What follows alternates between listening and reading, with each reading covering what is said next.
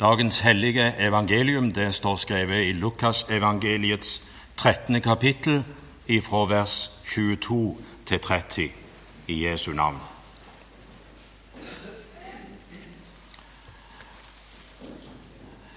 På sin ferd mot Jerusalem drog Jesus gjennom byer og landsbyer og lærte. En av dem sa da til ham, Herre, er det få som blir frelst. Men han sa til dem, Strid for å komme inn gjennom den trange dør. For mange, sier jeg dere, skal søke å komme inn og ikke være i stand til det. Når husbonden har reist seg og stengt døren, begynner dere å stå utenfor og banke på døren og si, Herre, lukk opp for oss. Og han skal svare og si til dere, Jeg vet ikke hvor dere er fra. Da begynner dere å si, Vi åt og drakk for dine øyne, og du lærte på våre gater. Men han skal svare, Jeg sier dere, jeg vet ikke hvor dere er fra. Gå bort fra meg, alle dere som gjorde urett. Dere skal gråte og skjære tenner når dere får se Abraham og Isak og Jakob og alle profetene i Guds rike men dere selv er kastet utenfor. Og de skal komme fra øst og fra vest og fra nord og sør og sitte til bords i Guds rike. Hellige Far, hellige oss i sannheten. Ditt ord er sannhet. Amen.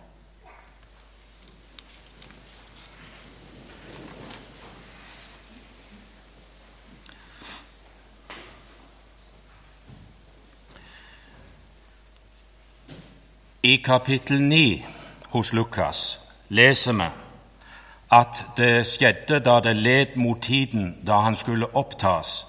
Da vendte han sitt ansikt mot Jerusalem for å gå dit. Det ordet markerer begynnelsen på denne vandringen vi leste om her i denne prekenteksten. Og vi leser i evangeliene at Jesus brukte god tid på den siste reise.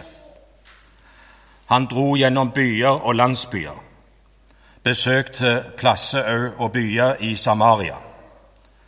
Og han sendte disipler ut framfor seg, to og to, for å forberede dem på at Herren skulle komme på besøk. Hovedbudskapet var Guds rike er kommet nær. Så leste vi her i vers 22 i Lukas 13. På sin vandring mot Jerusalem dro han gjennom byer og landsbyer og lærte. Han drog ikke på shoppingtur. Han dro ikke som en turist for å se og oppleve spesielle oldtidsruiner eh, og sånn men han lærte.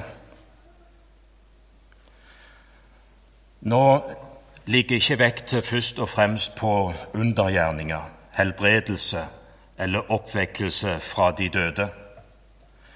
Nå ligger vekten av Jesus på sunn bibelsk lære, med fokus på at han sjøl er veien og sannheten og livet, og at ingen kommer til Faderen uten gjennom Han. Og så leser vi i slutten av kapittel 7 hos Matteus at responsen på den lange bergprekenen var at Jesus lærte som en som hadde myndighet, og ikke som de skriftlærde. Det er Matteus sin kommentar etter bergprekenen. Når Jesus taler med myndighet, så betyr ikke det at det hadde noe med stemmebruken hans å gjøre. Det har ikke noe med at han talte med patos, eller at han hadde en utstrakt bruk av pekefingeren når han talte. Det kan godt hende at han brukte sånne virkemidler òg. Men det er ikke det som ligger i uttrykket at Jesus talte med myndighet. Derimot sikter det til at han begrunner sine ord med å si 'Jeg sier dere'.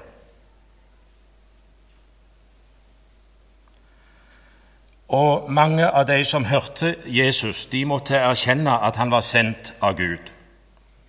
Ja, at han egentlig hadde sin myndighet i seg sjøl, fordi han var Guds sønn, Herren. Det som karakteriserer Jesus' sin undervisning, var at han viste til det som står skrevet. Hans lære bestod i å forklare hvordan Den hellige skrift, altså Det gamle testamentet, vitna om Han som skulle komme og forløse Israel. Og mange forsto etter hvert at han egentlig talte om seg sjøl som den kommende Messias. Dette ble tydeligere og stadig mer framtredende jo nærmere han kom Jerusalem. Særlig når han oppvekte Lasarus kort tid før han sjøl gikk inn i lidelsen. Det underet ble en kraftig leksjon både for hans sine tilhengere og òg for hans sine motstandere om hvem som nå besøker sitt folk. Hvem denne Jesus ifra Nasaret egentlig er.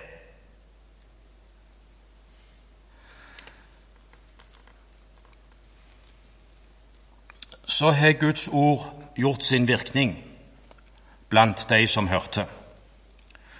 Og mens han nå lærte i en av byene, så var det en i mengden som brant inne med et viktig spørsmål, syns han iallfall sjøl. Herre, er det få som blir frelst? Et ganske så naturlig spørsmål å stille Jesus. Også de skriftlærde og rabbinerne drøfta denne viktige saken. Skriften talte om gjenløseren ifra Sion som skulle rydde bort ugudelighet ifra Jakobs slekt. De venta på et lys til åpenbaring for folkeslagene og herligheten for Guds folk Israel. I Jesaja 46, vers 13 så leser vi Jeg lar min rettferdighet komme nær. Den er ikke langt borte, og min frelse dryger ikke. Jeg gir frelse i Sion og min herlighet til Israel. Så kan vi stille spørsmålet om Skriften taler om en masseomvendelse i Israel. Og et annet spørsmål omfatter denne frelsen òg de uomskårne folkeslag? I dag er det ulike meninger om jødenes omvendelse. Med utgangspunkt i utsagn i Det nye testamentet så er det utvikla forskjellige teorier om når og hvordan hele Israel skal bli frelst. Et kjent sitat fra Romerbrevet en kilde til en reell forventning om Israels omvendelse i de siste tidene. Der forkynner apostelen Paulus med basis i et skriftord fra Jesaja-boka um, i Romerbrevet 11,26 og følgende Og slik skal hele Israel bli frelst, som det står skrevet:" Fra Sion skal befrieren komme. Han skal rydde bort ugudelighet fra Jakob. Og dette skal være min pakt med dem når jeg tar bort deres synder. Gud har altså sin plan. Heldigvis at det er Han som har planen, og ikke vi, for da hadde det blitt kaos. Gud har en plan, og han iverksetter sin plan i sin tid og på sin måte, selv om ikke jeg forstår det. Nå lå det en forventning i lufta òg på Jesu tid om en stor vekkelse i Israel. Noen utsagn fra Jesus' sin undervisning kunne tolkes i den retningen. Han hadde f.eks. nettopp sammenlignet Guds rike med et bitte, bitte, bitte lite sennepsfrø som vokste og ble til et kjempestort tre som fuglene kunne bygge reir i. Han brukte bildet av en liten surdeig som ble blanda i tolv kilogram mjøl, og som ganske raskt gjennomsyrer hele deigen. Og folk forsto hans billedtale. Parallelt med dette han talte Jesus ord som gikk i motsatt retning. Utsagn som var egnet til å legge en demper på sånne positive framtidsutsikter. Derfor finner vi i Det nye testamentet ord som tyder på at det heller vil være få enn mange som til slutt skulle få komme inn til hvilen hjemme hos Gud. Matteus 7, 14 i Bergpreken. Trang er den port, og smal er den vei som fører til livet, og få er de som finner den. Lukas 18, 25. For det er lettere for en kamel å gå gjennom et nåløye enn det er for en rik å komme inn i Guds rike. Og Matteus 20, 16. Mange er kalt, men få er utvalgt. Nå leser vi riktignok i åpenbaringsboka at de frelste de er omtalt som en stor skare som ingen kan telle. Likevel så er det nok vært en kjensgjerning opp gjennom historien at troens folk har aldri vært en flertallsbevegelse. Herre, er det mange som blir frelst? spurte han. Ja, det er fint å ha omsorg for de andre sin frelse. Det kan være uttrykk for et ekte misjonssinn å være opptatt av om det er få eller mange som blir frelst. Å ha omsorg for skjebnen til Guds eget folk, Israel, er òg et bibelsk anliggende og bør være en hjertesak òg for oss. Men la du merke til hva denne tilhøreren ikke spurte om.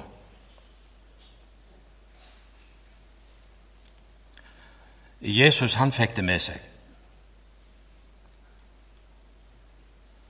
For det er en sak som er enda mye viktigere for enkeltmennesket å komme til rette med. Blir jeg frelst? Har jeg kommet inn i Guds rike? Kan du, Jesus, vedkjenne deg meg? Er jeg Guds barn og din bror? Det kan veldig lett bli sånn at, vi, at nøden for vår egen frelse kommer i annen rekke. Enten fordi vi tar den som en selvfølge, eller fordi vi er mer opptatt av å finne ut hvem andre som har gitt seg over til Gud. Hvis bare den eller den ville omvende seg eller vise at de har tatt imot troen, så ville det vært lettere for meg òg. Eller man er mer opptatt av hvordan skjebne våre avdøde slektninger fikk når de gikk ut av denne verden. Om Herren vedkjente seg den eller den mens de ennå levde på jorda. Skal Han lukke opp for deg når de står framfor himmeldøren? Skal jeg få møte deg igjen? Ja, jeg tror vi kjenner igjen sånne tanker alle sammen. Og så gjør Jesus saken veldig personlig. Han svarer ikke direkte på den generelle problemstillingen. Hans sitt ønske var å få frelse de som der og da var til stede og hørte livets ord. Og så leser vi. Han sa til dem Han svarte ikke bare han som spurte, men han svarte, for de andre har sikkert hørt spørsmålet. Og så svarer han de som hørte på. Vers 24.: Strid for å komme gjennom den trange, port, trange døren. For mange, sier jeg dere, skal søke å komme inn og ikke være i stand til det. Når husbonden først har reist seg og stengt døren, begynner dere å stå utenfor og banke på døren og si, Herre, lukk opp for oss. Og han skal svare og si til dere, Jeg vet ikke hvor dere er fra.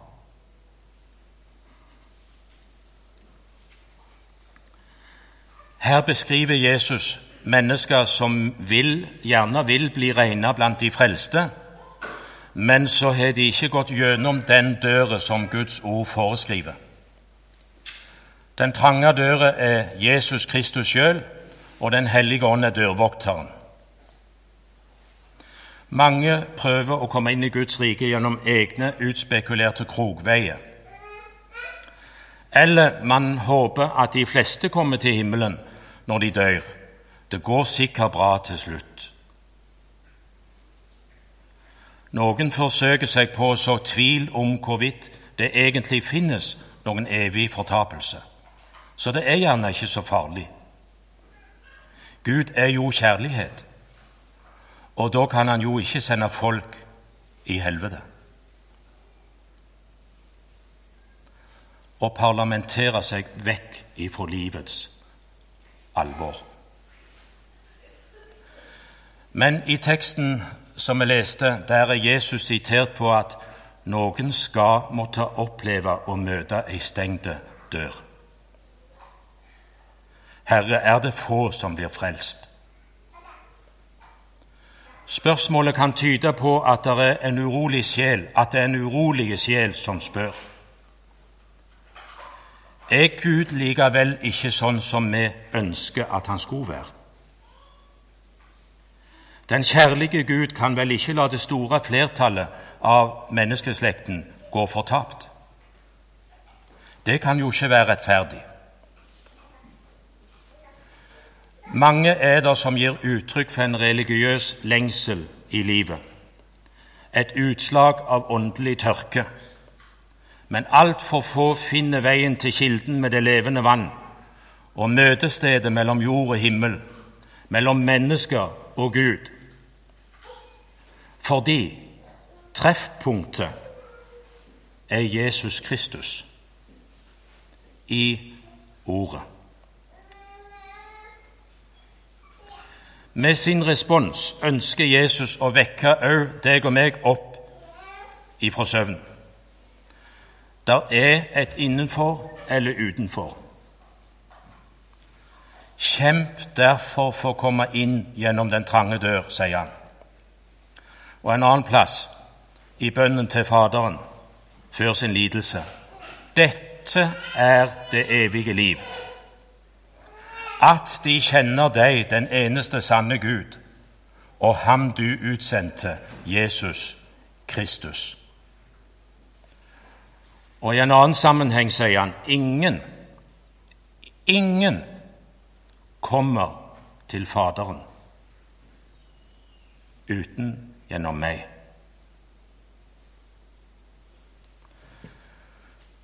I Matteusevangeliet der legger han til en viktig sak. Så sier han Vi er den port, og bred er den vei som fører til fortapelsen, og mange er de som går inn gjennom den. Men trang er den port, og smal er den vei som fører til livet, og få er de som finner den. Er det få som blir frelst?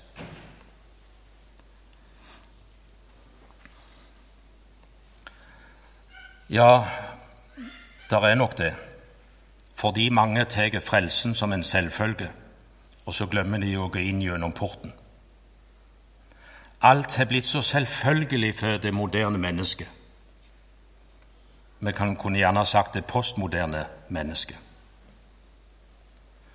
Vi er så vant til å få alt det vi peker på. Vi har blitt vår egen lykkes smed. Det vil si at vi designer vårt eget liv akkurat sånn som vi vil. Mange, iallfall.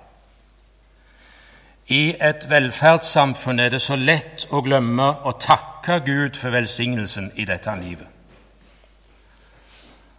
Og hvis vi glemmer å takke og tenke at det her er gaver som kommer ifra Gud, så er jeg redd for at velstanden blir til en forbannelse.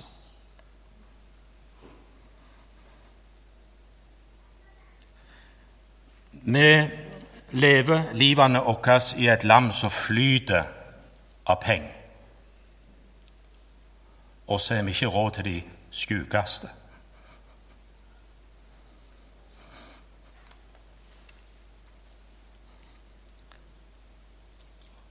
Og Når vi tenker sånn bare på velstand, så blir det liksom så feil å forholde seg til Bibelen sin tale om kors og blod og død og smerte.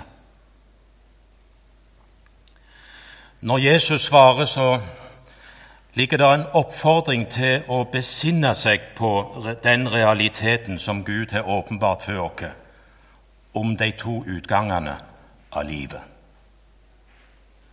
For det første at nå, i nådetida, forkynner vi med Jesu navn til frelse ifra fortapelse.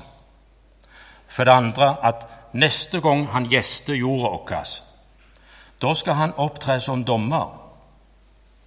I nådetida lokker han på synderen som sliter, og så sier han, 'Kom hit til meg, alle som strever og har tungt å bære. Jeg vil gi dere hvile.' På dommens dag, da skal de som fant han i nådetida, få høre enda et kom. Kom hit, dere som er velsignet av min far. Arv det rike som er gjort i stand for dere fra verdens grunnvoll ble lagt. Så vil det være en del som får høre et smertefullt gå bort fra meg alle dere som gjorde urett. Jeg vet ikke hvor dere er fra, jeg kjenner dere ikke. Og så blir det så personlig og direkte. Og det skulle vel heller ikke kunne misforstås, det Jesus sier her. Likevel så forteller Jesus at de forsøker å overtale han som står på innsida av døra, til å lukke opp, selv om han har låst døra endelig. Tatt i betraktning disse fordelene de tross alt har, tror at de har, framfører den store massen som lever uten håp og uten Gud i verden. Så er det mange som har fulgt med liksom i den gamle tralten og kan veldig mange ting i Guds ord, er med og synger og så videre. Da begynner dere å si, sier Jesus, vi åt og drakk for øynene dine, og du lærte på gatene våre. Med andre ord, de var, opplevde seg sjøl så velsigna fordi at de hadde levd på samme tid som Jesus. Så hadde de sett ham. Og det kan godt òg hende at mange av dem hadde vært vitne til Lasarus sin oppstandelse.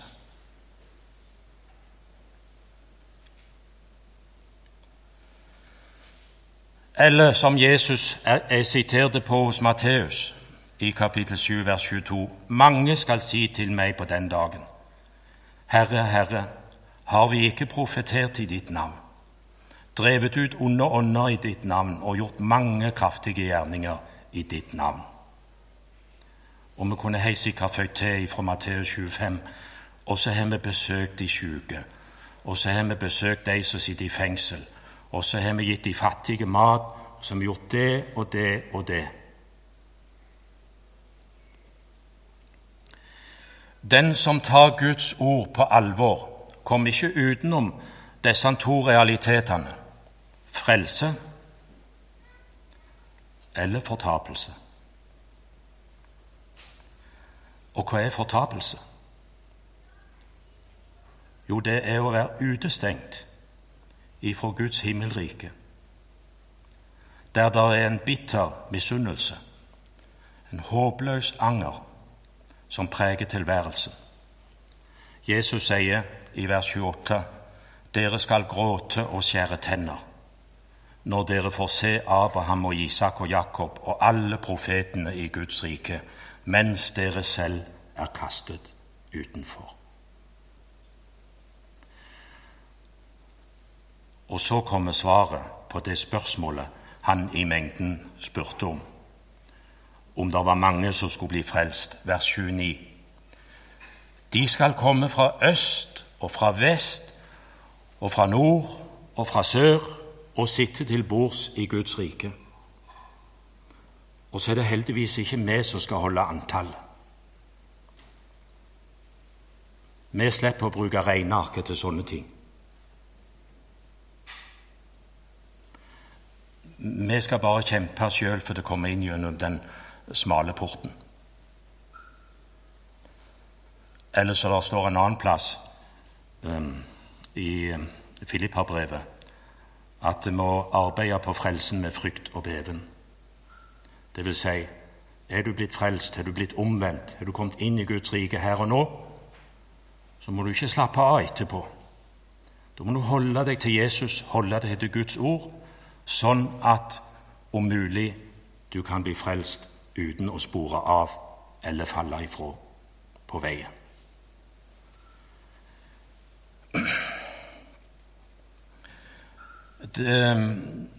De som kommer fra øst og vest og fra nord og sør, der, der beskriver Jesus den store skaren som ingen kan telle. De som i nådetida har stridd den gode troens strid, og som i evigheten skal stå framfor tronen og framfor lammet og lovsynge Han som nettopp frelste de ifra fortapelse med sitt eget blod,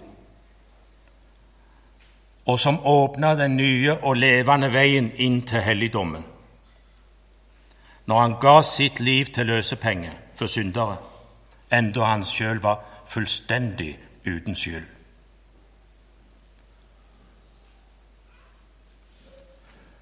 Han ga sitt liv til løsepenger for syndere, og i oppstandelsen vant han en evig forløsning og åpna den veien for oss. Og så vers 30 til slutt. Se. Hør nå etter.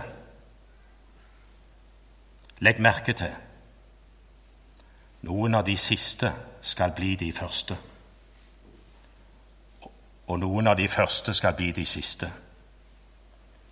Arbeid på din frelse med frykt og bevelse, så ikke du blir liggende etter. Og det er tydelig at det blir mange overraskelser i Guds rike i himmelen når så langt kommer. Mektige og sjølskrevne navnkristne så ubønnhørlig er stengt ute fordi de kom i sitt eget navn. Mens derimot mange som var forakta og utstøtt og forfulgt i denne verden, der sto døra åpen, for de kom i Herren Sebåts navn. Og han som sto innenføre og hadde beredt rom for dem, han sa, Kom inn til den evige hvile. Det er alle de som vi synger om i ei salme. Her gikk de under stor forakt, men se dem nå i deres prakt. For tronen står med kronen på i himmelens prestedrakt. Og det er der Jesus vil ha synderen, akkurat som med David, som vi hørte i begynnelsen. Det var derfor han sendte Natan til David.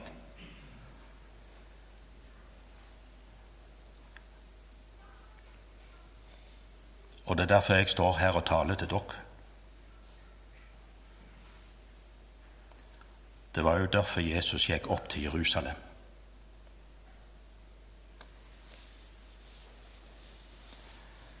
Ære være Faderen og Sønnen og Den hellige ånd, som var, er og være skal, en sann treenig Gud, høylovet i evighet.